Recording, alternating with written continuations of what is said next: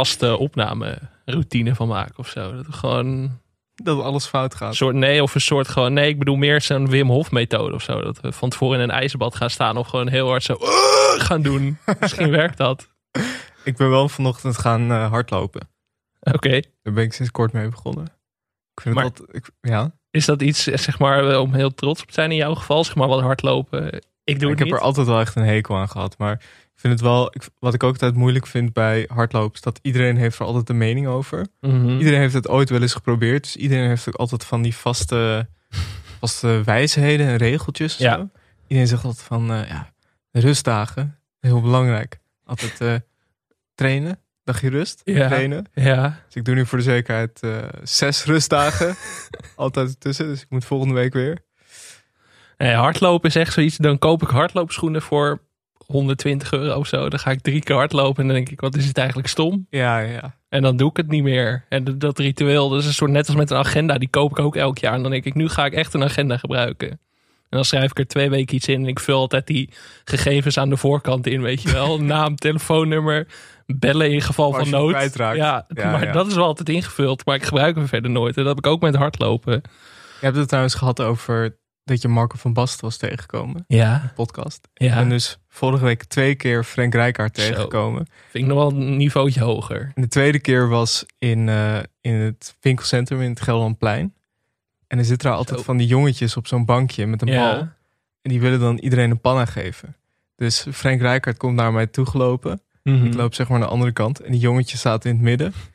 En ik dacht toch van ja, dit gaat me niet overkomen. Geen panna krijgen waar Frank Rijkaard bij is. Dus ik deed zo mijn benen zeg maar helemaal zo strak bij elkaar. Ja. En toen, en toen dacht ik, ja, nu loop ik als een pinguïn naar Frank Rijkaard. Dat is nog veel gekker. Want ze filmen het vaak ook.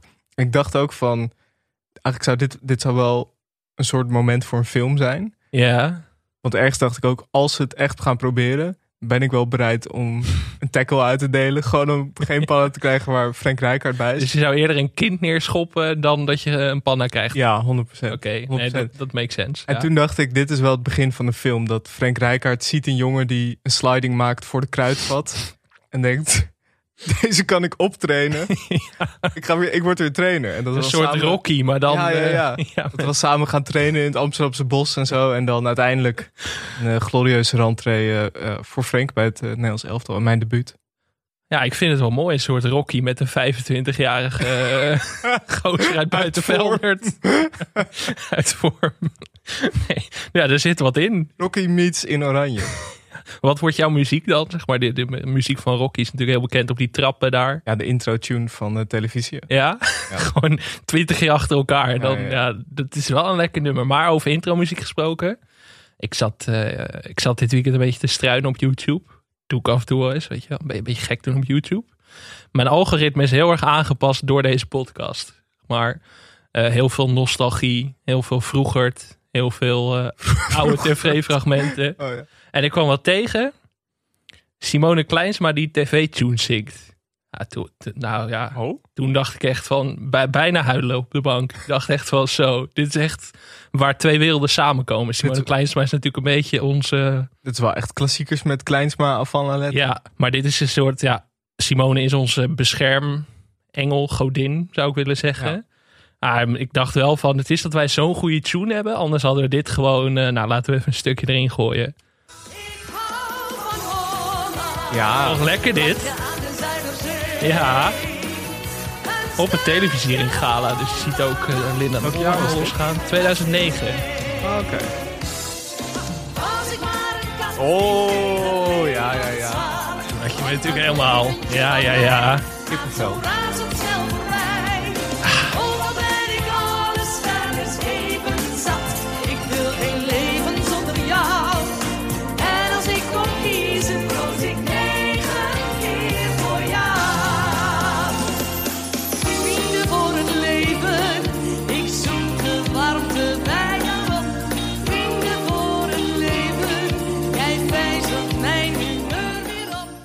Ja, ja, dit is goed. Ja, dit is nu, ik heb dus nu een nieuwe routine aangenomen.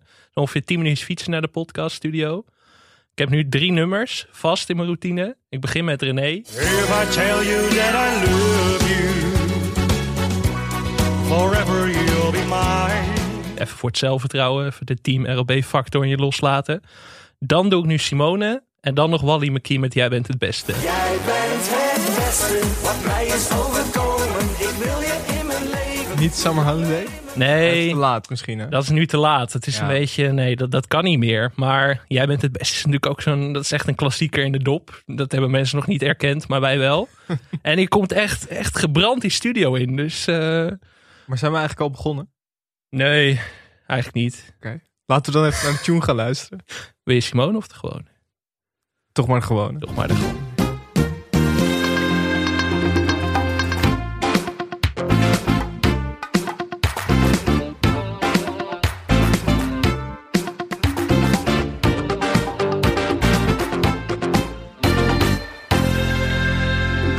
Nou, welkom bij Televisie, de podcast over Nederlandse televisieprogramma's. Mijn naam is Michel Dodeman. Tegenover mij in de studio zit Alex Maasreel. Nou, we zijn al gewoon al vijf minuten be- bezig.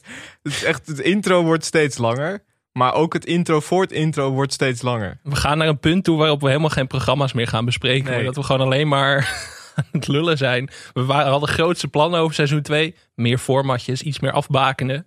Dat is in ieder geval niet gelukt. Absoluut niet. Nee, nee. Ik denk dat het belangrijkste is dat we iemand vinden die hierin kan knippen. dat zou heel fijn zijn. Ja, dat denk ik ook. Dat is misschien voor iedereen beter. Misschien Ja. ook voor onszelf. Ik moet dit nu elke week terugluisteren. En denk, jezus, wat lullen die gasten slap. En dan heb ik het dus voor de helft over mezelf. Maar Toch een beetje beledigd dat je ook voor 50% over mij had. Maar hoe was je week? ja, het was wel een, eh, het was een drukke week. Het was een goede week. Het was een hele goede tv-week, wederom. Mhm. Vorige week natuurlijk al eh, een half uur bij stilgestaan. Zeker. Ja, Vandaag weer. Vandaag weer, want ehm, vrijdag is een nieuwe tv-oorlog losgebarsten. Ja. Ja, ik zat gewoon rustig naar Media Insight te kijken. Diewertje Blok, altijd leuk, Diewertje. Mhm. En Diewertje zei te loops ineens. Nou, daar schrok ik echt van. Want als, als Diewertje dit zegt, dan weet je dat het Menens is. Het ging over de slimste mens. Philip Freriks. En toen zei Diewertje ineens, vind ik geen aardige man. Nee, ik, ik schrok daar ook wel een beetje van. Ik dacht van, wat verwacht hij nou? Want voor Diewertje is dit echt, zeg maar... Dat ze het gewoon echt een teringleier vindt, hè? Ja, ja, ja, ja. dat zag je er echt aan alles. Dus ik dacht echt Het van... is ook, Diewertje had dit helemaal niet hoeven zeggen. Nee, het was niet het- nodig. Het ging niet eh, helemaal... Ze had ze echt al jaren liggen. Ze, wachtte gewoon totdat de kans kwam dat ze dit een keer kon zeggen. Maar is dit een oorlog tussen de eminence crisis van de Nederlandse tv-journaals? Is dit gewoon waar het uiteindelijk heen gaat? Ik vraag me, ja, ik, ik heb Philip Frederiks nooit ontmoet, maar het lijkt me altijd best een sympathieke man. Maar ja, daar, Wie daar moet je is nou meer geloven? gebeurd. Ik vind dat hier een vijfdelige podcastserie Ja. over moet gaan komen. Philip versus Diewertje of zo. nou, hier moeten we Investico opzetten, want eh, Follow the money. ja, maar ik schrok daar echt van. Ik was echt even ontdaan. Ik heb hem ook moeten pauzeren. Ik denk, wat, wat, wat is hier gebeurd? Diewertje. Ja, daar schrok ik van. Dus ik ben heel benieuwd hoe dat verder gaat. Wat wordt de reactie van Philip? Ik hou Media Courant in de gaten deze week. het probleem is natuurlijk dat ze de slimste mens altijd van tevoren opnemen. Dus hij zou echt naar een talkshow moeten om zich hierin te verdedigen. Ja, en volgens mij woont hij in Parijs. Dus dat eh, is ook moeilijk. En van naar Nederland rijden. Moet om hij in die, op één te gaan zitten. om bij Ja. op één te gaan zitten? Ja. Maar toch een clash tussen Diewertje en Philip. Ja, ik had hem niet aanzien komen. Nee, het is, het is heftig. Wat heb je nog meer allemaal gezien deze week? Nou ja, vrijdagavond was sowieso een drukke avond. Eh, want we waren getuige van de start van Car Wars. Dat heb ik ook gezien. Ja, En ik, ik heb daar nog iets van meegenomen. oh jezus. Nou niet van, Winston? niet van Car Wars zelf, maar eigenlijk ging dat, eh, dat was de dag daarvoor al bij Op 1. Ja. ging het over Car Wars. En ik vond het intro, het, ja, het was, het was fantastisch. Ze hadden eerst, ehm, het is altijd de op één formule, altijd serieus. Ze gaan zeg maar van meest serieus naar minder serieus. Ze bouwen af. Ja. En nu hiervoor hadden ze een item, eh, best wel inspirerend, over de Olympiër. Mieke, Mieke Gorissen, heel leuk item. En iedereen was helemaal een beetje, een beetje starstruck, een beetje verliefd. Mhm. En toen kwam de overgang. En die heb ik even meegenomen, want ja, Charles Groenhuizen die moest er zelf ook een beetje... hij was een beetje... Nou ja, Hij kwam, er, hij, kwam er, hij kwam er niet helemaal uit. Hij moest even schakelen. Het prachtige interview, de glimlach op ons gezicht. En eh Het ga is zo een, een, door. een held in België. hè? Ja, geniet met Nou, nu ook, nu ook in Nederland, weer. nu ook hier. Zeker. Ja, absoluut. Mieke van Preston. Ja. Ja. Nog even applaus voor Mieke. Yes. Kijk of we voor de volgende gast ook applaus krijgen zo meteen. Op afstand bestuurbare mini-auto's die met 150 km per uur over een circuit rijden... zo snel mogelijk door een sneeuwploeter of van een gebouw afvliegen. Het is een serieuze sport. En in het nieuwe programma- tv-programma Car Wars nemen zes bekende Nederlanders het tegen elkaar op... in de strijd om de beste RC-coureur. En dat is coureur, sorry. Ja, coureur. Ja, coureur. En dat is moeilijker dan het lijkt. Ja. Ik vond het zo leuk dat hij dan... Zijn bruggetje was ook kijken of we deze mensen ook een applaus kunnen krijgen. Ja, een beetje cynisch. Een Ja. beetje cynisch. Dat, hoor- dat hoor je er wel aan. Maar af. ook dat hij moest voorlezen, het is een serieuze sport. Ja, heb jij gekeken naar Car Wars? Ik heb eh drie kwart van de aflevering gezien, denk ik. Sommige stukjes eh, dommelde ik een beetje in, moet ik eerlijk Uur- zeggen. Uur en zes Oh. minuten. Ik bedoel, Nou, wij kunnen veel hebben. Dit was heftig. Nee, maar als iets goed is, dan vind ik het Ja. erg. wel- Maar dit was Het lang. voelde ook, ik heb dan, ik denk 50 minuten gezien. En dat voelde echt alsof ik een hele avond gewoon kwijt was aan Car Wars. Ja, voor, voor de mensen die het niet kennen, Car Wars is een programma. Het is een soort Marble Mania met eh, van afstand bestuurbare autootjes. Dus een paar BN'ers nemen tegen elkaar op en die eh, ja, moeten ze allemaal opdrachten uitvoeren met die auto's en wie het snelste is en zo. En eh, de deelnemers zijn Najib Omhali, Jamie Westland, dat is de drummer van Direct, René Vroger, Leontien van Moorsel, Robert Doornbos en Herman den Blijker. Ja, het is ook echt een Heel, eh, line-up dat je denkt, Curieuze line-up. Ja. Tim Coronel is jurylid. Of was het Tom? Nee, het was Tim, maar ik dacht, waar is Tom? Ja, dat vroeg ik me ook al. Is er ruzie? Is er een eh, broederstrijd gaande? Het is toch een beetje, het lijkt me, als jij eh, redacteur bent van zo'n tv-programma. Dan zegt er iemand, ja, bel even een van... Ja, wie, wie bel je dan? Tim of Tom? Ja, ja, allebei toch? Ik bedoel, ze hebben alle kanonnen al in huis. Ik bedoel, Winston Gersta, Gerstanov, Gerstan, Gersta, ja, ik kan ik er Gerstanovic. Doe maar gewoon Winston. Die wordt natuurlijk altijd ingehuurd voor de echt grote knallers van SBS. Ja. Olaf Mol is de Jack van Gelder eh, in dit programma. Mhm. Ja, wonderlijk programma.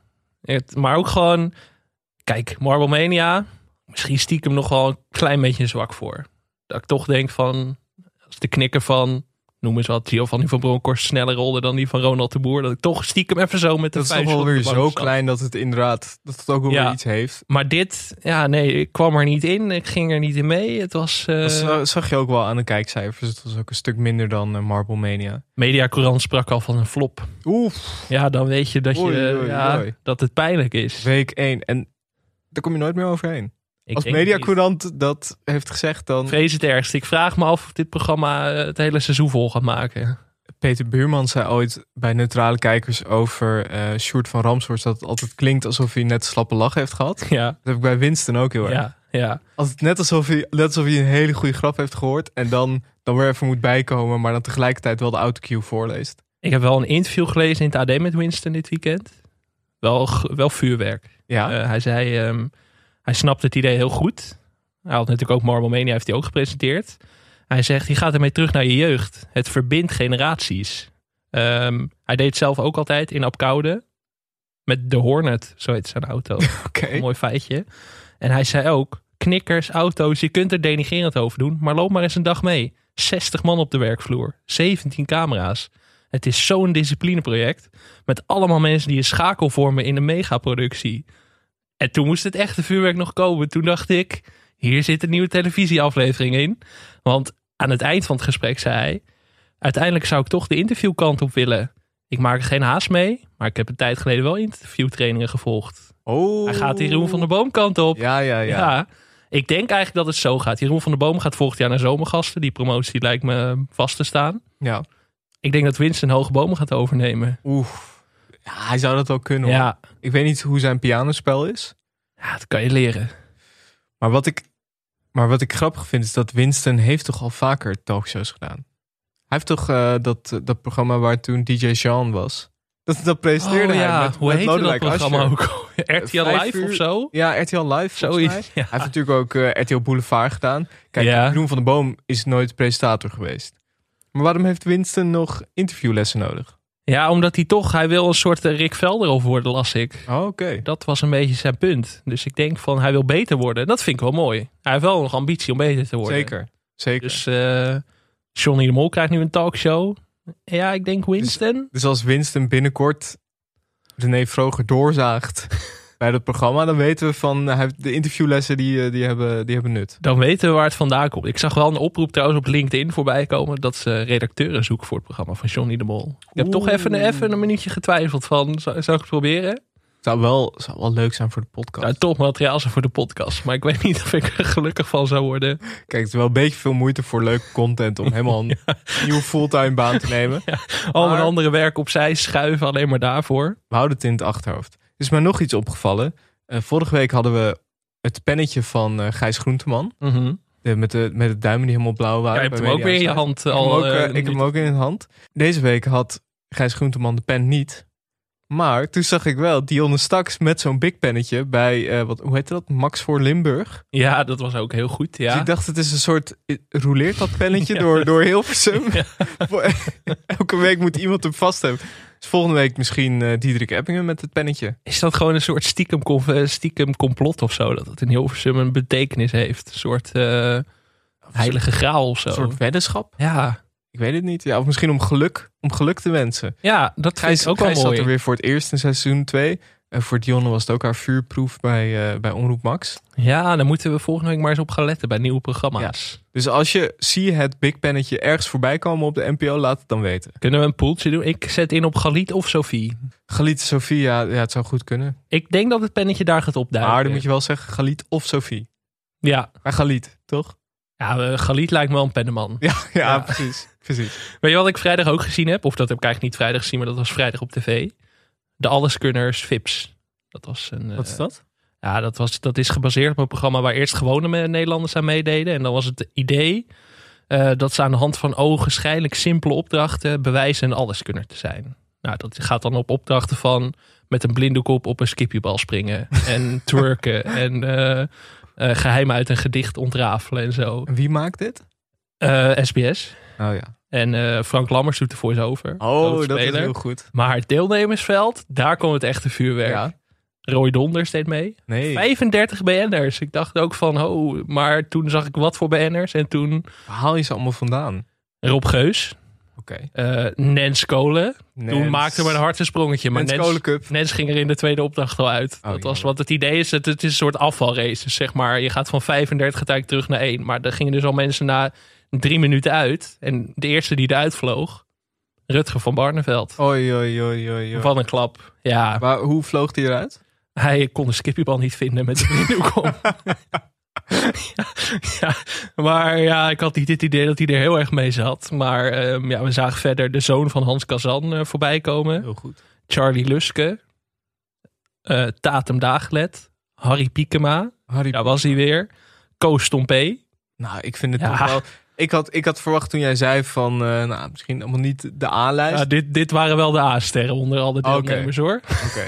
Ja, En, eh, 35, ja, daar kun je, kun je een hele aflevering mee vullen. En Mart Hoogkamer. Ik had geen idee Ja, wie dat was. Maar ik dat ga blijkt zwemmen. gewoon een enorme viral hit te zijn. Die volledig aan mij voorbij is gegaan deze week. Ja, die had vorige week, Ah. eh, vorige week stond hij volgens mij nog bij Spotify bij viral top 100 of zo van de wereld stond hij op één. Ja, met zijn hit Ik ga zwemmen. Gewoon wereldwijd het meest gedeelde nummer. Ja. Echt krankzinnig. Maar ik dacht, ik dacht wat is dit nou? En toen ging ik googlen en toen bleek er ineens een hele hype te zijn. En Ja. het is een goed nummer. Het, is, een echt goed een heel nummer. goed nummer. Ja. Ik eh, heb hem nu alweer in mijn hoofd.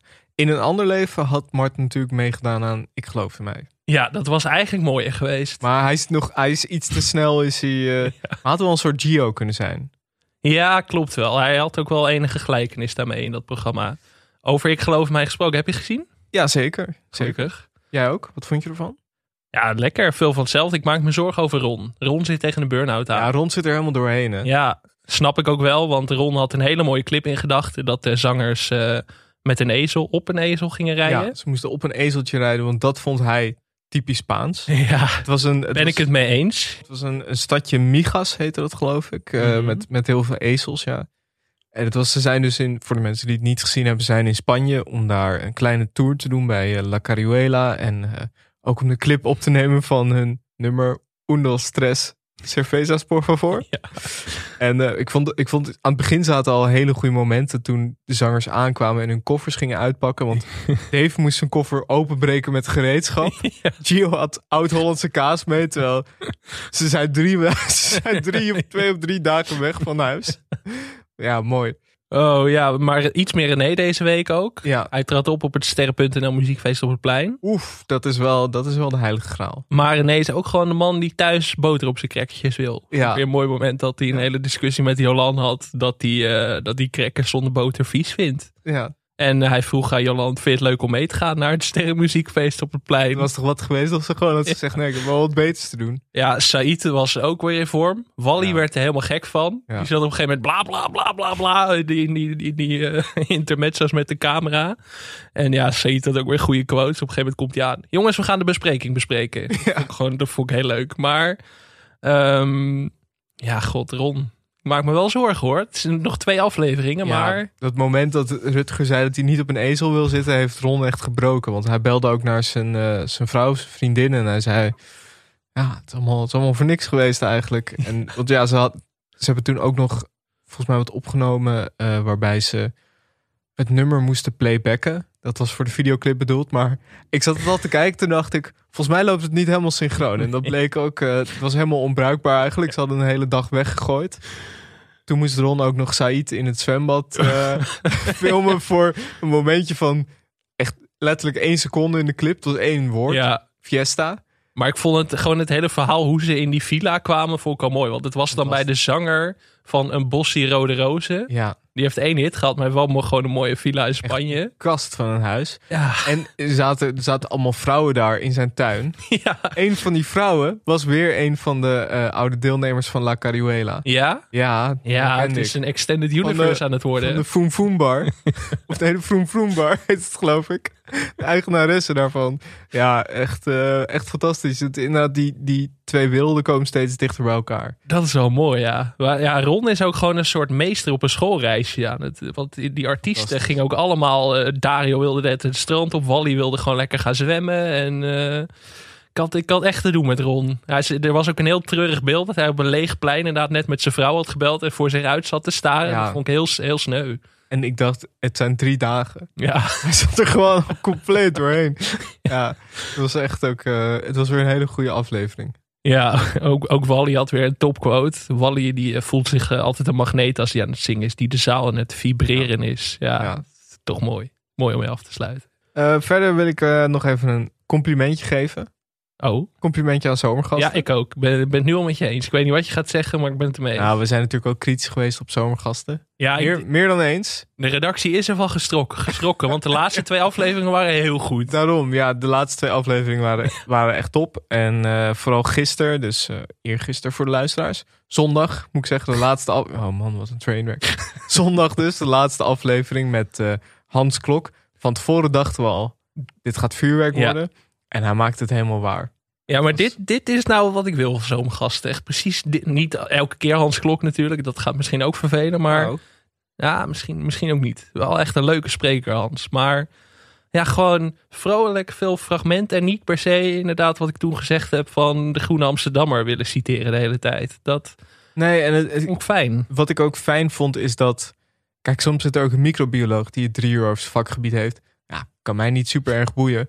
Maar Hans Klok die drie uur over zijn vakgebied... het heeft toch een beetje, het heeft een beetje glitter en glamour. Je weet er eigenlijk niet heel veel van, althans ik niet. Nee. Hij is een hele goede verteller, vind ik. Heel levendig, lekker energiek. Mhm. En had, eh, ja, het was ook wel leuk dat er een soort van thema in zet, zat. Al dan niet bedoeld. Eh, het was een soort ja, ode aan het, eh, aan het variété. En een eerbetoon aan, aan ook aan veel artiesten die ooit wereldberoemd waren. En, en toen een beetje in de vergetelheid zijn geraakt. Arjen Fortuyn schreef er ook over. Het ging over de vergankelijkheid van roem. Eh je zit te lachen. Had jij hem ook opgeschreven? Nee, maar oh, ja, jij hebt het over een tv-recensent. Ik, ik heb natuurlijk de enige tv-recensie gelezen die erom ging. Ja. Heel erg hard om gelachen. ja de kop was De kop boven de, col- de recensie van Angela de Jong was... Hans Klok is duidelijk meer dan de anekdote dat hij seks had met Geer in een hotelzaal. En Stuimig Weertje had dit gedeeld op Twitter. En ja, ik, heb daar, ik ga daar al de hele dag stuk om. Ik kan alleen nog maar de hele dag denken aan Angela de Jong... die de hele dag denkt aan Hans Klok en Gerard Joling. Dat, dat beeld raak ik niet meer kwijt. Ja, kijk, we kennen het allebei. Je hebt een deadline. Er komt een beetje stress bij kijken. Ja, soms moet je gewoon ook een beetje associatief. Ja, waar denk je aan? Nou ja, blijkbaar Hans Klok en Gerard Joling in een hotelzaal. Ja. Dat was natuurlijk bij, eh, bij Hoge Bomen. Daar kwamen toch alweer kwamen toch weer Hoge Bomen en zomergasten bij elkaar. Het, het gaat steeds meer op elkaar lijken. En dat is eigenlijk ons droombeeld natuurlijk. Ja. Maar hij had, ik vond ook dat Hans Klok eh, goede fragmentjes had van eh, Fred Kaps, Marlene Dietrich, de Croxon Brothers. ja, ja, ja. ja, ja. Als je Nou, toen maakte mijn hart natuurlijk een sprongetje. Toen, Ja. toen kon het niet meer mis bij mij. Eh, Josephine Baker, Sigrid en Roy. Ja, het was echt een goede aflevering. Echt leuk. Zeker, echt een topafsluiter voor dit seizoen. Ja, we hebben ook wel eens gezien natuurlijk dat, dat de top al als eerste aflevering was. Zoals met Louis van Gaal. Goed dat ze dat nu eh, omgedraaid hebben. Eh, ik, ik had nog één dingetje.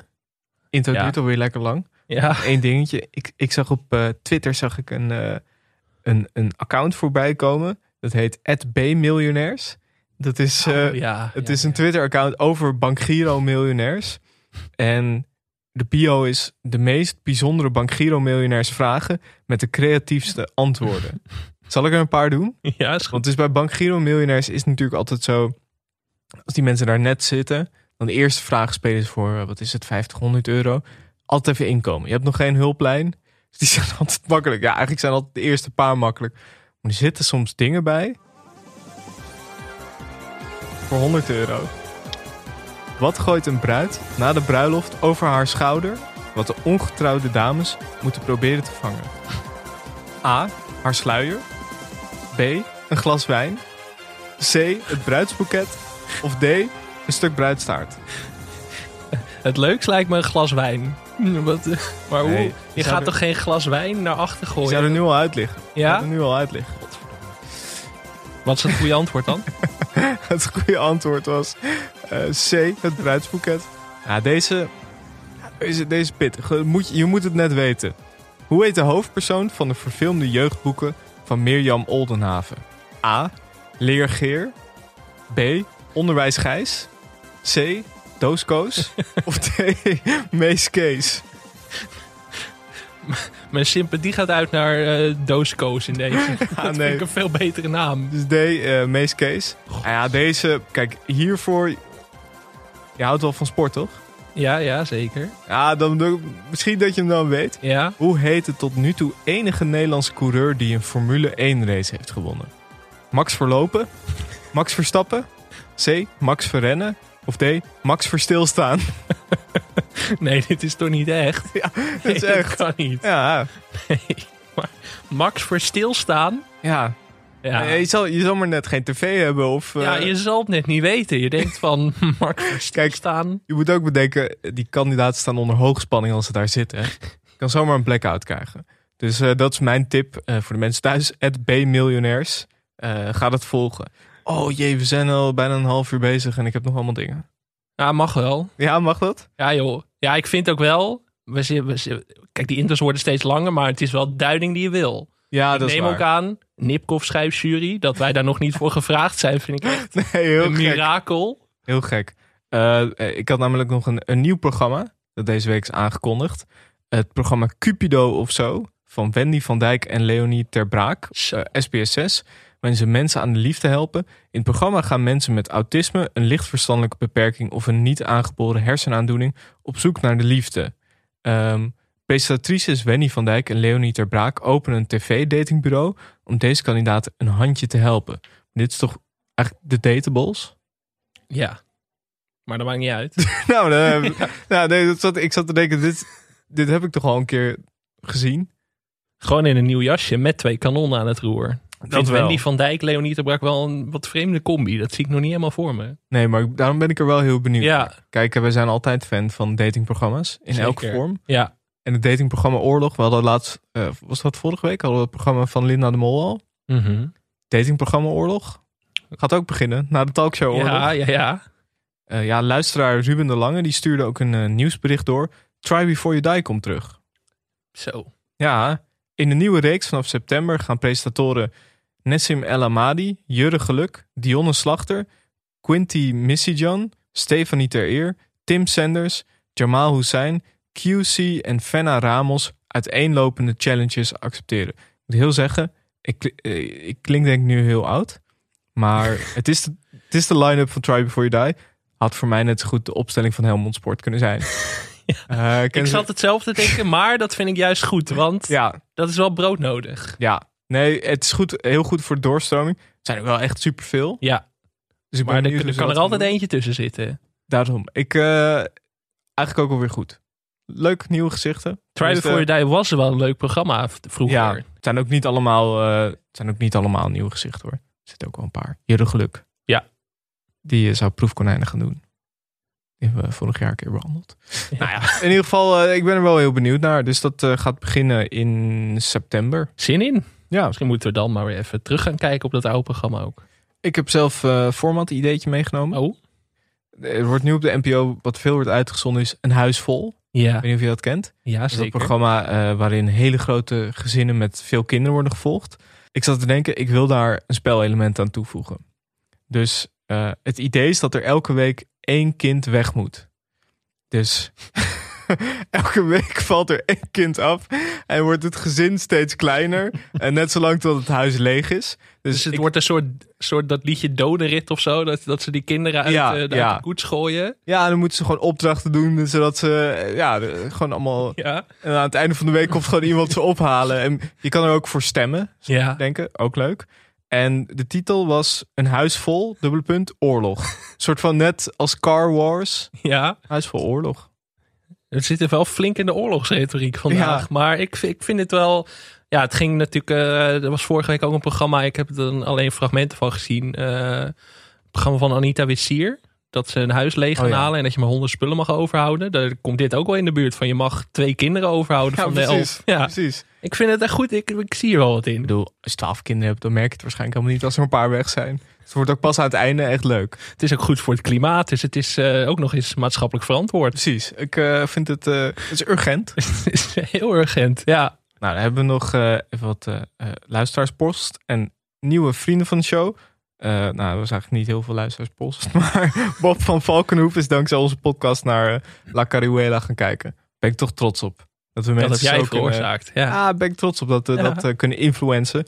Ja, we hadden weer ontzettend veel nieuwe vrienden. Die komen natuurlijk allemaal voor filmien. Gaan we het eigenlijk filmje noemen? Ik zat er wel aan te denken, moeten we daar niet iets anders nog voor verzinnen? Of gaan we echt gewoon... Zo. Ja, filmje. Filmje. Ja, hoe, hoe vaak je hem uitspreekt, hoe beter die wordt, hè? Ja, ik vind het. eh, ik had hem eigenlijk al. eh, Had je hem al... eh, ik, ik had hem al Oké, opgeschreven. ja. ja. Ik zat daar ineens aan te denken. Nou, in ieder geval nieuwe vrienden. Thomas, Max, Jasperado. Komt uit Hendrik Ido Ambacht. Toch een beetje het nieuwe Oldenbroek. Mhm. Charlotte, John of John, Roos met EAU, Luc en eh, Paul Dobbe. Welkom. Het is ongelooflijk. Wat een wilde. Het worden er steeds meer. Ja. Ja, Dat is ook wel een beetje het idee, maar eh, daar hopen we op. Ja, ik voel vol carré staat nu wel te gebeuren. ja. Herman van Veen, eat your heart out. Ik bedoel, kijk uit. En je, mag ook, je kan ons dan ook bericht sturen en zo. Dus als je wil dat het intro niet eh, langer dan een half uur wordt, moet je vriend van de show worden en dan eh, kan je dat tegen ons zeggen. Nou, hè, hè? Maar we zijn nu ook elke keer, ik ben elke keer back af als we dan eindelijk aan het hoofdprogramma toekomen. Ja, ik ook. Maar daarom is het goed dat we geen eh, drie uur durend programma hebben. We hebben een, eh, een korte vandaag. Nou, Nou, nou. we gaan even luisteren naar het intro.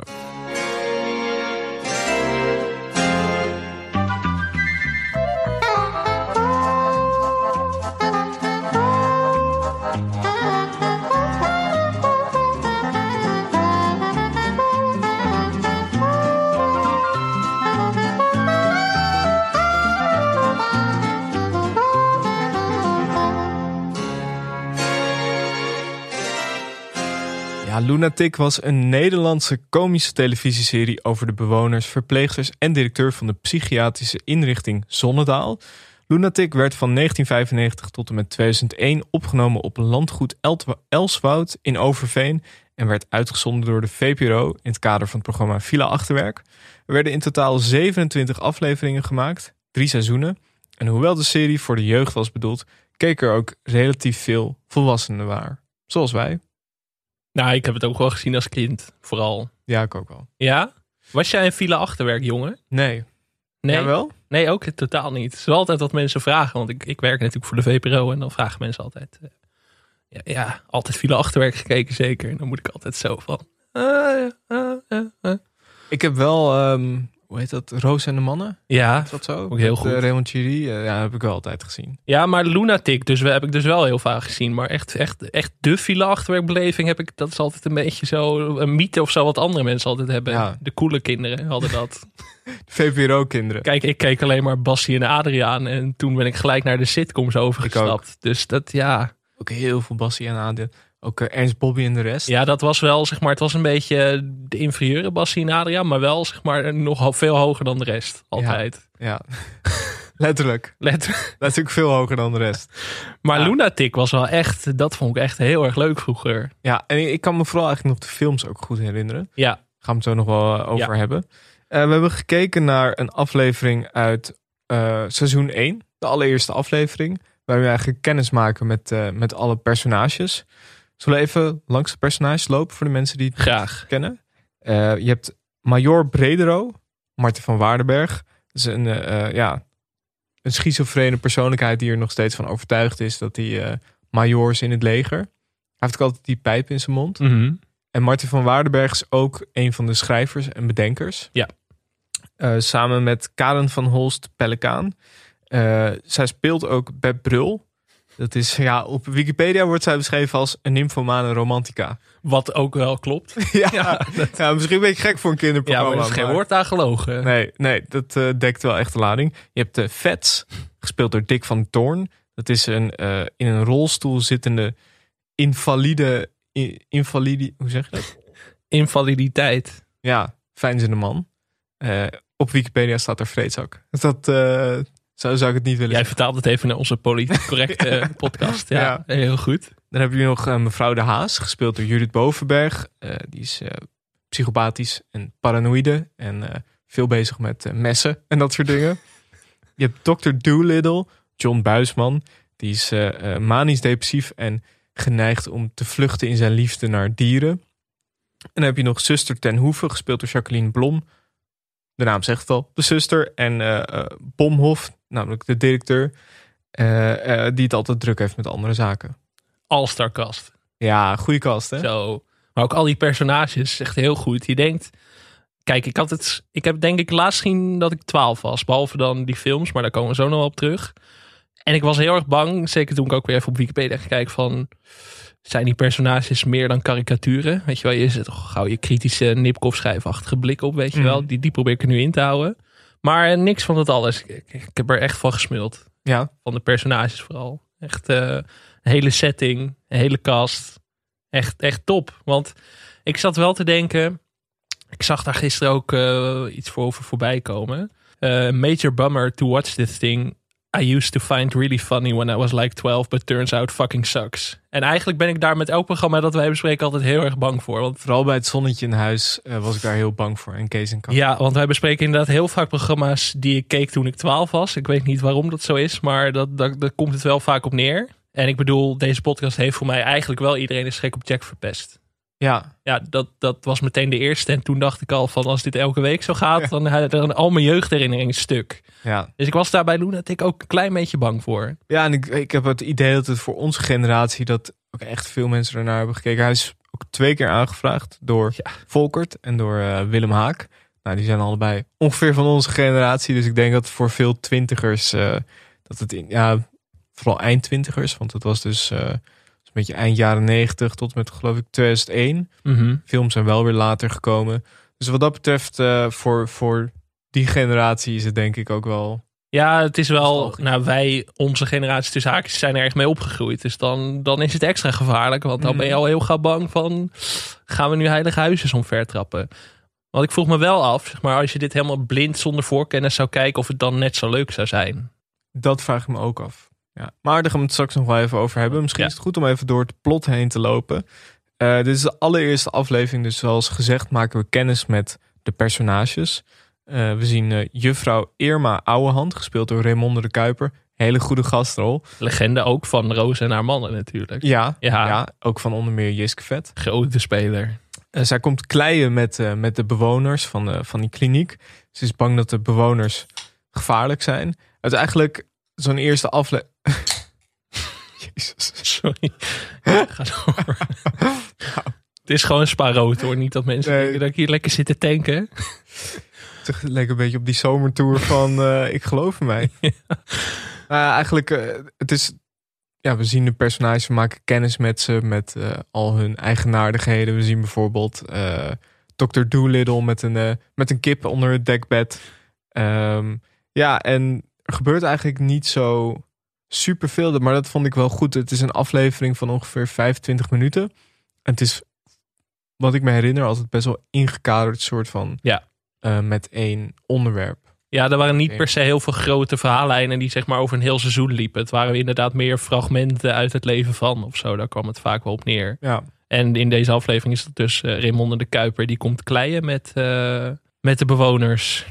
Wat, wat me ook heel erg opviel is ook in de dialogen dat het voelt helemaal niet heel erg als een. Het voelt aan de ene kant als een kinderserie, omdat het natuurlijk wel eh, alles is uitvergroot, is lekker karikaturaal gespeeld. Maar tegelijkertijd in de dialogen is het helemaal niet zo kinderlijk. En dat was natuurlijk ook altijd wel het leuke aan eh, de villa achterwerkachtige programma's. Ja, het had wat stouts natuurlijk heel vaak. En daarom was het ook denk ik leuk voor zowel kinderen als voor ouders. Want ook in Lunatic zaten heel veel quotes dat ik denk van... Ja, voor een kinderserie, weet je wel, eh Beb Bril zegt in een andere aflevering dan eerst, zegt ze van, eh, als het lekker is, kan het nooit te lang zijn. En ik denk van, Ja. top. Maar En, dat eh, zijn natuurlijk wel van die dingen wat, wat je wel vaker ziet in cartoons en kinderseries. Als je terugkijkt, denk je, oh. Maar op het moment zelf heb je dat natuurlijk niet door. Dus dat is natuurlijk ook het goede schrijven ervan. Ja, de beste voor- animatiedingen en zo zijn natuurlijk eigenlijk nog misschien nog wel leuker voor volwassenen. Ik bedoel, SpongeBob is toch ook een soort van heel fenomeen. Hoeveel diepere lagen daarin zitten en dat soort dingen. Maar als Mhm. kind denk je daar. Misschien als je bovenmatig eh, intelligent bent, denk je daar aan. Maar anders eh, mis je dat natuurlijk. Maar voor de ouders is dat wel leuker, denk ik. Ja, nou, ik moet zeggen, ik heb heel veel SpongeBob gekeken in mijn jeugd. Ik had niet door dat er een diepere laag Nee? was. Maar later inderdaad eh, zie je wel Toen ben je terug gaan kijken en toen ben je daar papers over gaan schrijven. alle 30 eh, seizoenen teruggekeken. Nou, in ieder geval in het plot ehm, zien we dus dat het kleien aanvankelijk goed gaat met de, met de bewoners. Dan eh, gaat het al snel fout. Beb Bril heeft haar gezicht ingesmeerd met klei. Major maakt een boterham van klei die die opeet. Dr. Doolittle gooit eh, klei tegen de muur. We zien eigenlijk hoe eh, mevrouw Irma langzaam gek wordt. Ja, ze kleidt normaal alleen met bejaarden. Dus eh, dat vond ik ook wel leuk in een van de eerste scènes. eh denk zeg van, oh jee, een gekkenhuis. Dan is ze helemaal bang van, oh jee, ik moet met gekken gaan kleien. Ja. En dan moet ze dus dokter Doolittle. En dan vraagt ze, hij stelt zich voor als dokter. En dan zegt hij van, oh, gelukkig, een normaal iemand. Hoe zijn ze, die gekken? En hij is natuurlijk een van de gekken. En dat, dat vond ik wel een geestige scène. Ja, ik vond sowieso, ik vind John Buisman Ja, heel goed altijd. Ja, die zien we ook wel weinig, te weinig eigenlijk. We kennen hem natuurlijk, ja, we gaan het straks in de nazorg over hebben. Maar natuurlijk ook met Marten van Waardenberg deed altijd de gamma-reclame. Ik mag al zeggen, toen waren reclames nog echt leuk. Freek Willem. Je bent zo lekker bezig, Freek. Frank Willem. Ja, het van me horen. Als ik geboren, ik ga de buren storen. Wanneer ik zing. Klus, klus, dat wordt een fijne klus. Je bent zo lekker bezig, Freek. Klussen is mijn ding. Frank Willem is de king. Je bent zo... Lekker bezig, Freek. Even scoren met een klus of met dit opbergrek voor maar 29 euro. Dat zeg ik. Kom maar. Dat echt, echt fijn. Toch? Fijne acteur. Vind ik altijd een fijne acteur om naar te kijken. Ook in een kleine rol of zo. Altijd, ik word altijd blij van John Buisman. Ja, sowieso vond ik het, ja, we hebben het al gezegd, maar echt een hele goede cast. En ook heel veel eh, leuke gastrollen. Ik had even een paar, paar namen opgeschreven. Dus Raymond de Kuiper, zoals we eh, hebben gezien. Eh, Marcel Musters. Olga Zuiderhoek. Zo, de, Dit is geen- Het is geen echte televisieaflevering als Olga Zuiderhoek niet een keer langskomt. ik ben echt ben heel erg lang bang geweest voor Olga Zuiderhoek. Want zij speelde in die serie een hele nare, nare invalzuster. Die interview voor zuster ten Hoeve. Amalia Zuringa.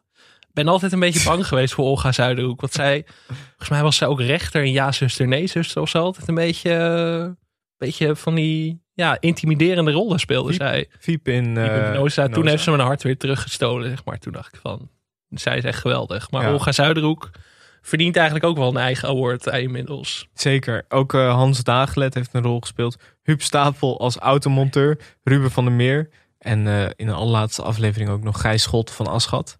Ja. Serge Henry Valken. Ook een legend. Ja, echt eh, hele, heel veel leuke gastrollen. Nou, in ieder geval eh, aan het einde van de aflevering ehm, willen, ze, wi- willen de Lunatics iemand eh, namaken met klei. Ze maken dus Irma Oudehand eh na met klei en ze kleien haar helemaal in. Eh, ze wordt op het bordes neergezet en uiteindelijk blijkt dat een nachtmerrie van haar was. En wordt ze gillend gek en rent ze weg. Want het idee is natuurlijk, ze zijn gekken, maar het zijn wel gewoon onschuldige gekken. Ja, niet zo gek als zij denkt. Nee, nee, precies. En dat, eh, nou, het is een prima introductie om die personages een beetje te leren kennen en hun Mhm. gekkigheden, toch? Dus vandaar, we wilden eigenlijk de laatste aflevering kijken. Maar we waren weer gedwongen om, eh, nou, ik weet niet wat voor site, maar er stonden ook advertenties onder van. eh, Ali B is al zijn geld kwijtgeraakt. Lees hier hoe. en de rijpe vrouwen bij jou in de buurt en zo. Ja, zag ik ja. alweer voorbij komen. Dus dan Wat weet altijd je- op bij, de- bij, die, bij die reclames, altijd heel veel Ali B. Ja, Altijd iets met Ali B, die rijk is geworden met bitcoins. Hij is al zijn geld kwijtgeraakt. Hij heeft een nieuwe baan. Hij heeft een nieuwe auto gekocht. Waarom altijd Ali B? Ja, of Jort Kelder, die zie ik Jort ook heel Kelder vaak. ook, ja, ja. Misschien heeft die er zelf voor betaald. Dat weet je natuurlijk nooit bij Jort. Maar ja, nee, maar ja, wij zaten daar ook over te appen van eh, onmogelijk terug te kijken. Op de laptop speelde dat filmpje op de site waar we het wilden kijken niet af met geluid. Nee, Heel gek. Dus we konden het alleen op onze telefoon kijken uiteindelijk. Maar maar het is toch gek dat dit, dit soort series zo slecht gearchiveerd zijn. ja, nou, ik vind dat echt een grove schande eigenlijk. Ik wil niet het argument gebruiken Saneer de van mijn belastingcenten. Dat, dat zou ik nooit doen. Maar het is wel echt, echt schandalig. Ik bedoel dat RTL en SBS er slecht mee omgaan. Nou ja, prima. Maar dit is gewoon cultureel erfgoed. Dat moet toch gewoon op een site te vinden zijn waar je het elk moment kunt terugkijken. Het is Ja. ook twintig keer herhaald volgens mij.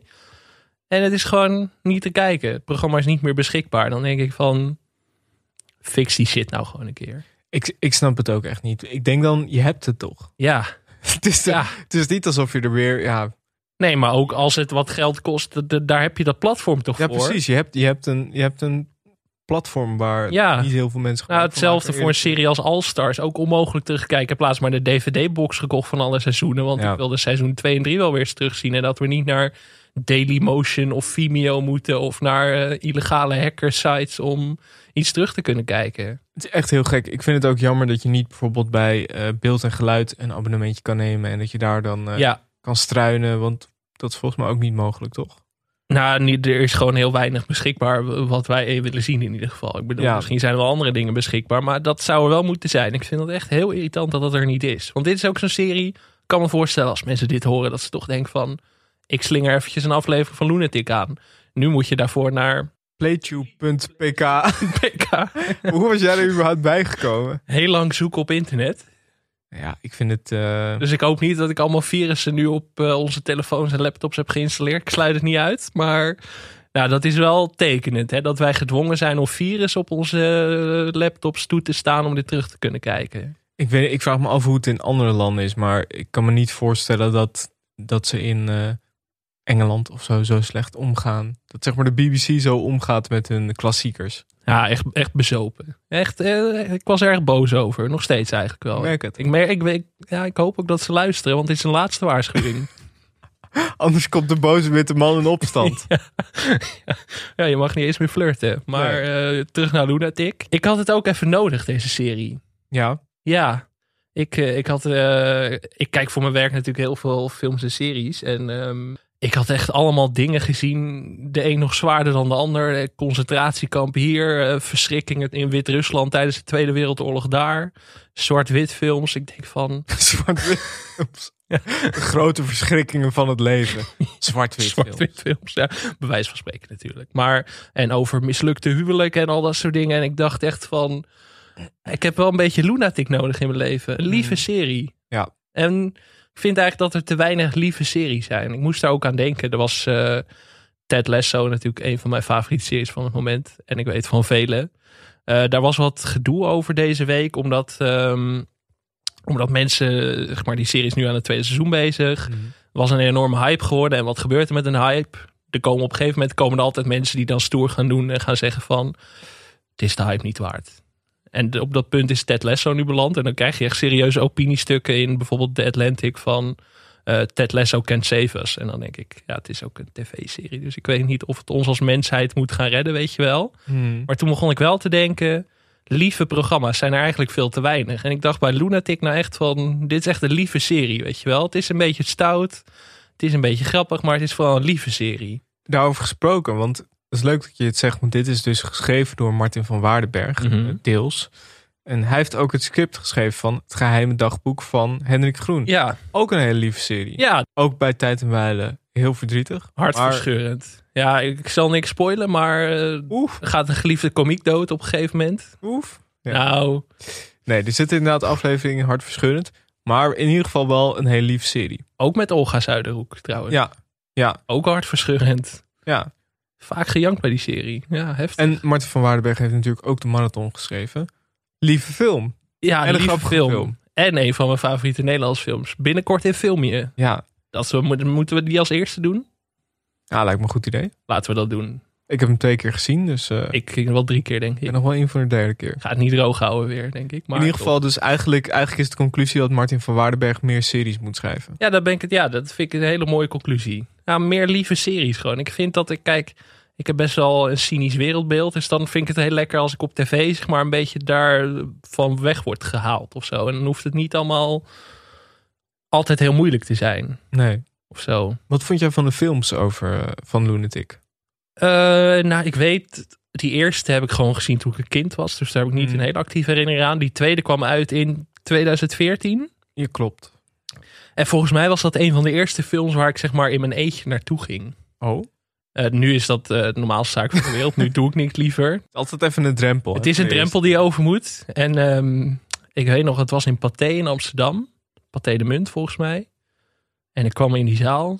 Hele zaal met alleen maar kinderen. oh, Ja. ja, ja. Dat is al een worsteling op zich. Maar als je daar dan... Ik was toen 19, dus nou ja, kan, kan nog. Maar voelde je je toch niet prettig als enige volwassene in een zaal met kinderen. Er waren ook gewoon bijna geen ouders. Dat ik ook dacht van... eh, waar zijn de ouders? Pathé de Munt, even tussendoor, is sowieso wel echt een apart genre in het, eh in het bioswezen. Ja, daarom wilde ik het er ook even bij hoeveel, doen. de hoeveelheid popcorn die ik daar door de lucht heb zien gaan. Ja. Knokpartijen gezien. Het is echt een gekke plek, man. ja, gelukkig deden die kinderen dat niet. Maar ik, dat is me toch altijd bijgebleven. Meer nog dan de film zelf. Maar Ja. Ja. dat was ook al zo'n moment dat ik dacht van... oh, ik wil nu echt de serie weer terugkijken. Heb ik toen niet gedaan, want toen was ik waarschijnlijk met belangrijkere dingen bezig. Nou ja, waarschijnlijk was het ook gewoon niet terug te vinden. Waarschijnlijk niet, nee. Maar ehm, ja, zeker die eerste film is ook wel een klassieker. Ik kan, me, ik kan me dat gek genoeg nog heel goed herinneren. Ik ben naar de première geweest toen. Hoorde ik later, dat, dat wist ik eigenlijk niet meer. Maar eh, Want de eerste film is uit 2002, toch? ja, ja, maar ik kan me dat gek genoeg... Ik, ik kan me nog herinneren dat ik daarheen ging. En ik kan me ook nog... Ik heb hem later nooit meer teruggezien. Maar ik kan me nog herinneren dat ik ervan genoten heb. Dus misschien is het ook beter om niet meer terug te kijken. Eh, want dan kan het, ja, het kan eigenlijk alleen maar tegenvallen of minstens net zo goed zijn. Maar ja, dan kun je het eigenlijk net zo goed niet terugkijken. Dus was jij bang toen je dit weer terug ging kijken? Ja, wel een beetje. Maar het, eh, al snel. Ik dacht ook van. Hier zit zoveel nostalgie aan verbonden. Ja. Dat dat eigenlijk ook een beetje wat ik, wat ik ook met het zonnetje in huis had. Ik ben er een beetje bang voor. Maar er zit zoveel. Je hebt er zoveel herinneringen aan dat het nooit echt helemaal kan tegenvallen. En het is natuurlijk ook niet. ehm, het is niet een serie die puur en alleen op de lach speelt of zo. Dan. Iedereen is gek op Jack. Dan, nee, maar dan kan het heel erg tegenvallen. Omdat Ja. je denkt, oeh. Nee, maar een goede nou, komische serie begrijpt de personages natuurlijk. mhm. En de slechtste comedies begrijpen de personages niet. Die denken alleen maar dat het grappig moet zijn.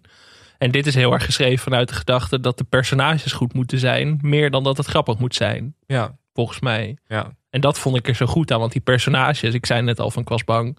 Misschien dat ik nu denk van het zijn karikaturen. Maar dat vond ik dus helemaal niet. Omdat de acteurs...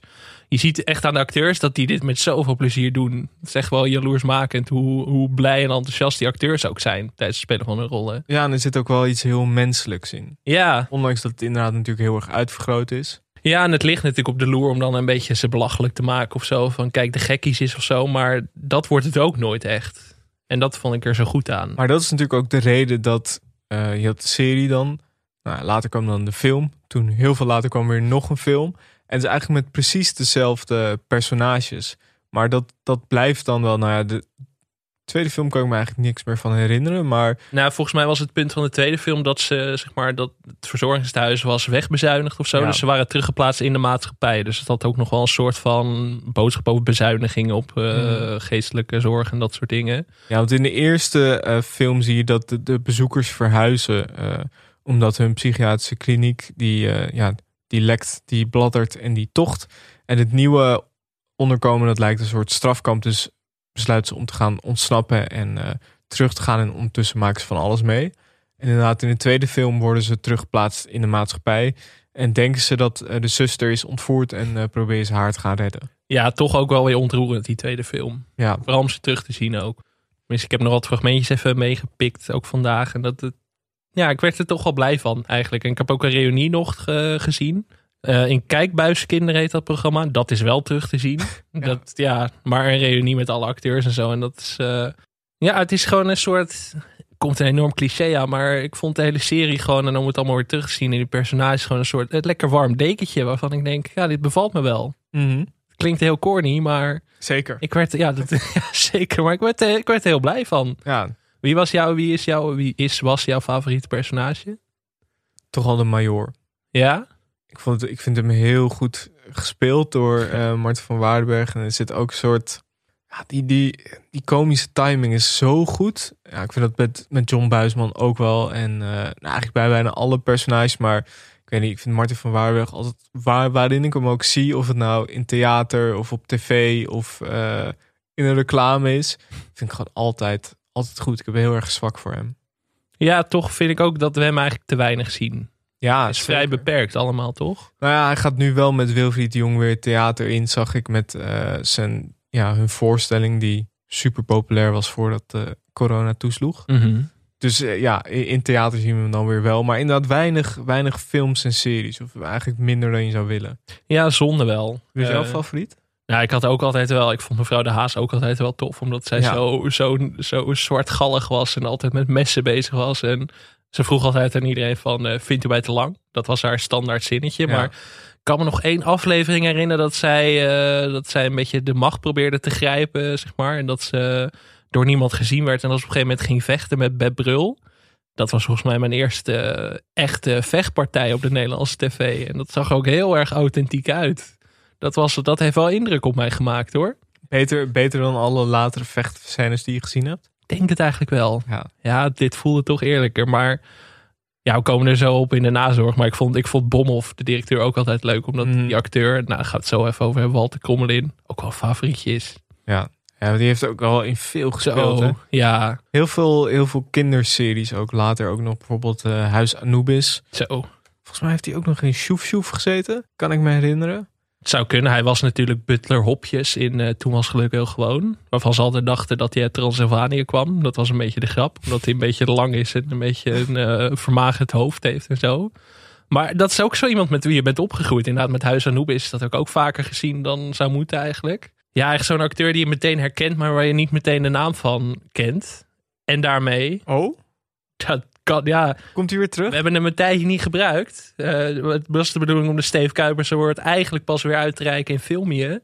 Maar als iemand er verdient, dan is het Walter Krommelin eigenlijk wel, hè? Eigenlijk is de Steve Kuipers Award natuurlijk ook vooral voor fictie bedoeld. Ja, en dat maakt het soms zo moeilijk. Want ja, 24 uur met kan je wel uitreiken. Maar voor fictie is het wel het handigst. Nee, Walter Krommelin vind ik inderdaad wel een hele, een hele goede. Hij heeft ook nog uh, recent, of redelijk recent, een paar jaar geleden, een boek gepubliceerd. Okay. Een uh, gemengd boeket. Een bundel anekdotes, citaten en gedachten.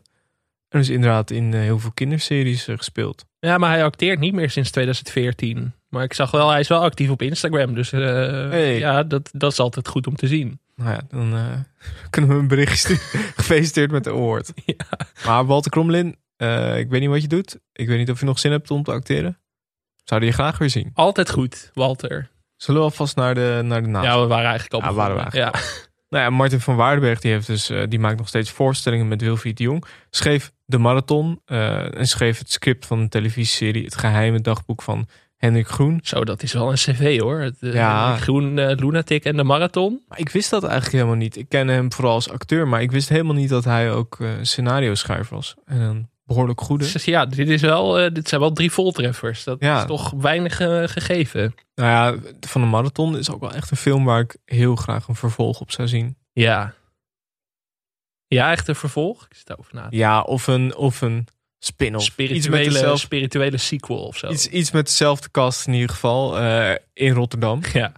Ja, de marathon, man. Oh, ik heb nu, nu al zin om hem te herkijken. Hier, Ja. dat is het goede idee voor Filmie, hè? Dat we dit gaan doen. Precies.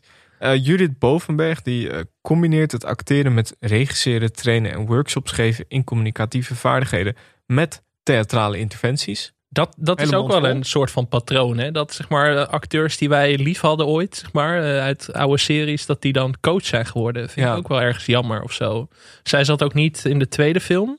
Werd door een andere actrice gespeeld toen eh, de rol van mevrouw De Haas. Omdat ze toen heel ziek was. Dus dat was best wel een treurig verhaal. Maar haar laatste acteerreferentie op Wikipedia was in het Sinterklaasjournaal. Grote spelers. Ehm, en dan was de, de, de benaming van haar rol. Vrouw die dacht een babypiet cadeau te hebben gekregen. dat, is wel, dat vond ik wel mooi. Baby Piet. ja, babypiet. Nou ja. Ja, nee, dat kan gewoon. Ze heeft ook nog in eh, voetbalvrouw eh, gezeten. Dat wij natuurlijk ook nog besproken hebben. Dat, met- die aflevering weet ik echt niks meer van. Ik ook niet. Heeft volgens mij ook niemand naar geluisterd. Ik weet alleen nog dat Pasmuis een Italiaan speelde die soms een Italiaans accent had, maar niet altijd. En Victor Leu speelde erin. Ja, ja, Victor Leu als de coach. Verder ben ik daar echt alles van vergeten. Ik. Misschien moeten we onze eigen aflevering even terugluisteren. Ja, nou. Dick van der Toorn, eh, die zien we nog regelmatig voorbij komen. Veel ook in theater. Onder meer de Gelaarsde Poes heeft hij ingespeeld. En, in tv, eh, en op tv speelt hij in onder meer Welkom bij de Romeinen. Kon hem zien. En eh, nou, dat is natuurlijk wel nog een... Ja, die, die Bekende acteur, Ook wel zo'n bekende kop inderdaad. Hij zit ook in die So-films en die serie eh, speelt hij een bijrol. Ehm, ik vond het wel grappig in die documentaire al is ook een goede quote. Eh, zei die Karen eh, van Horst Pellekaan zei ehm, toen we hem vroegen was hij nog dik. Later is hij gaan afvallen en dat vonden we echt heel erg jammer. Dat, vond- dat je niet mag afvallen van je collega's. Sowieso die casting was wel goed. Want die Karen van Horst Pellekaan vertelde ook een verhaal dat ze die Judith Bovenberg gekast had terwijl ze dronken in een café stond. Ja? Ja, dat ze, omdat zij zocht een lange vrouw natuurlijk. Omdat mevrouw de Haas is heel erg lang. En eh, die Karen van Horst Pelleka stond heel erg dronken een keer in een café. En zag daar dus die, die Judith Bovenberg. En die stak een meter boven de rest uit. En eh, die Karen van Horst Pelleka zei tegen Judith Bovenberg van... eh, jou moeten we hebben. En dat vertellen ze allebei in die documentaire. Dus ik denk dat het waar is. Maar ik vond het wel een, eh, een mooi verhaal. hoe Goed, maar was zij daarvoor wel... Ja, ze had wel een meme theateropleiding gedaan volgens mij. Dus ze had wel enige eh, ervaring. dat is toch Dit is wel wat je wil. een voltreffer. Jij wordt gekast eh, in een winkelcentrum op het Gelderlandplein. en andere mensen gewoon in de kroeg. Het kan altijd gebeuren. Dat is eigenlijk waar het op neerkomt. Karen van Horst Pellekaan, die acteerde, schreef boeken en scenario's. En, leuk feitje, nam als lijstduwer plaats op de kandidatenlijst van de Partij voor de Dieren voor de Tweede Kamerverkiezingen in 2006. Grote speler, zou ik willen zeggen. Ja, Maar zij acteert eigenlijk ook niet meer, toch? nee, volgens mij, wat, voor, van wat ik zag, schrijft ze nu vooral veel. Schrijft, eh, ja, schrijft boeken. En want ik kan me herinneren dat ze wel vaker acteerde vroeger. Ja, Buiten is het feest, heeft ze vorig jaar nog geschreven. Mhm. Veel film. Maar inderdaad, vooral in de jaren nul heeft ze heel veel eh, geacteerd. Veel komische rollen. En Unit 13 zat ze in. Daar ken ik Unit ervan. 13. Zo. Die moeten we ook nog eh, een keer bespreken. Dat was een spannende serie. Ja, Ik ben ook wel bang wat daar nu van overblijft. Maar toen een eh, goed intro muziekje, toch? Ja, maar dat, dat was ook een, van de eerste series die ik echt gebinged heb. Want die heb ik, eh, daar had ik de DVD-box toen van. Toen ik jaar of 14 was, denk ik. Dat was heel spannend. Dit zegt ook weer heel veel over jouw jeugd. Dat Jij DVD-box wordt treuriger 13. en treuriger. Maar ja, ik kom er nu maar voor uit. Na, na 53 afleveringen weet iedereen dat al. Die kennis, die kennis komt nu weer allemaal goed van pas. Sterker nog, volgens mij heb ik die DVD-box nog van seizoen 1. Misschien moeten we een keer een Unit 13 avondje organiseren. Met alle vrienden van de show. Bij jou thuis. Ja, leuk. John Buisman die eh, speelde in van alles en nog wat in onder meer Flikken Maastricht. De marathon dus. En Flikken Maastricht. Flikken Dat moet er altijd even in. Ja, tuurlijk. Eh, kijk, als ik zie dat iemand in Flikken Maastricht heeft gezeten. Of GTST. Ja. Dan moeten we dat altijd even benoemen. Ja, en dus de Gamma reclames. eh Freek Willem. En dat vond ik ook nog leuk. Zijn eerste hoofdrol was in een comedy-serie die ik helemaal niet kende. Een Hoeksteen en Groens, Groenstrook heette die. Eh, dat was van de Nederlandse educatieve omroep Teleak in 1993. Zo. En het was bedoeld als voorlichting van huishoudelijke aard.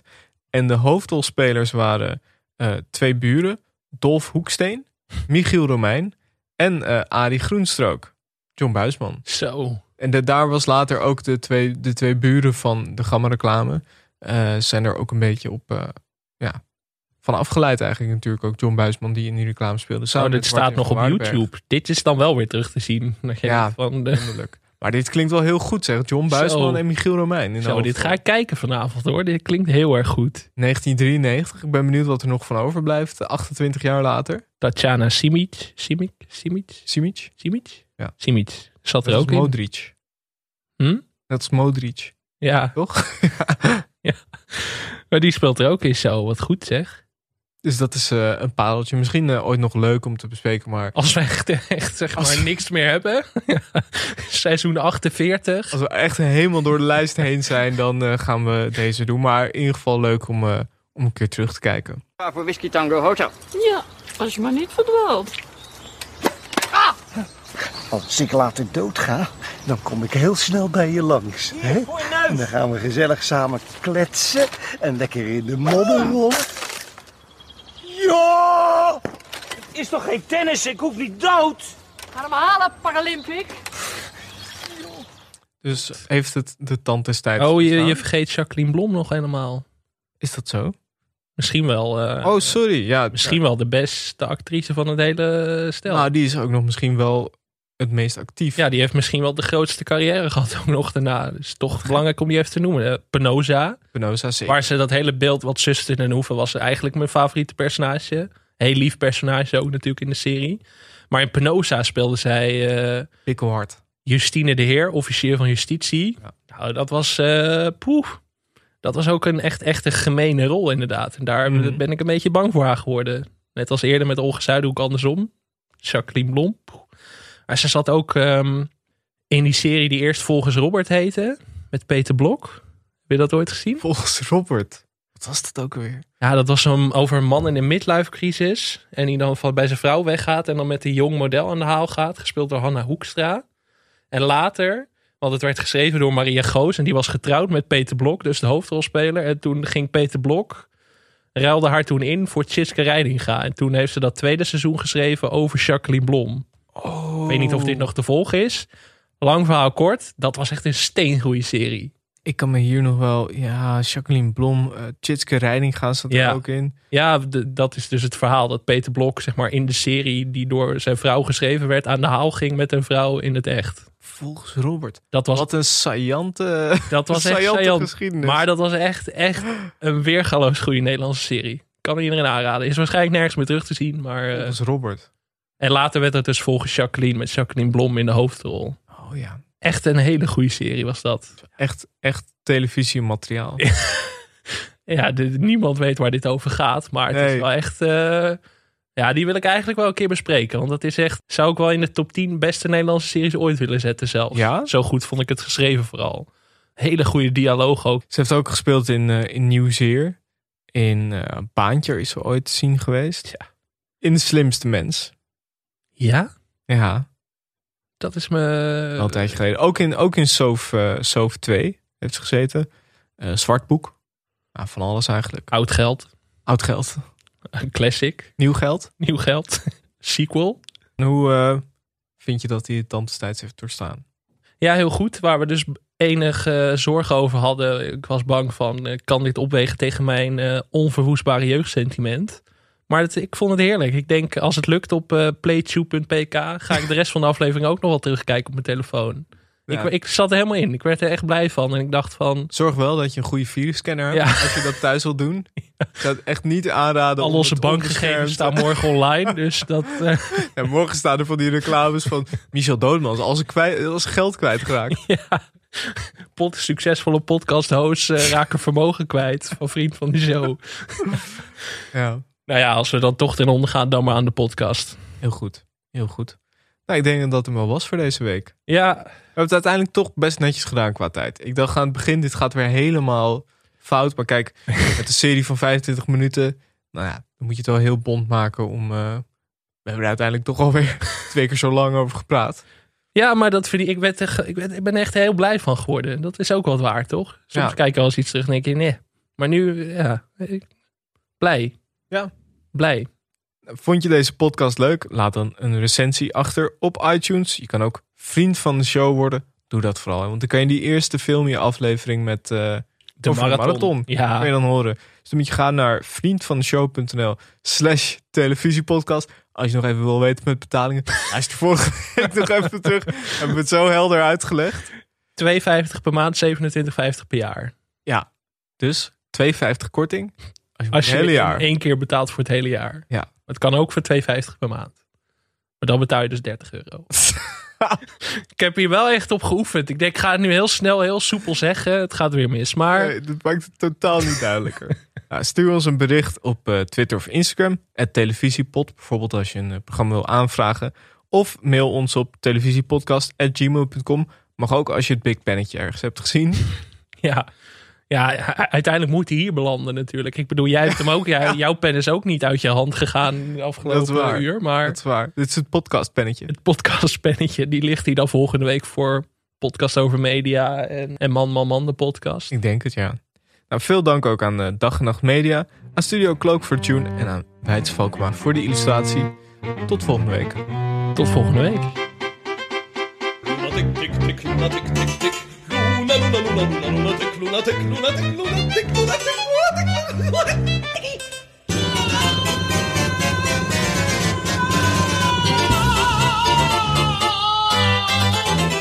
Lunatic, lunatic, lunatic, lunatic, lunatic, lunatic.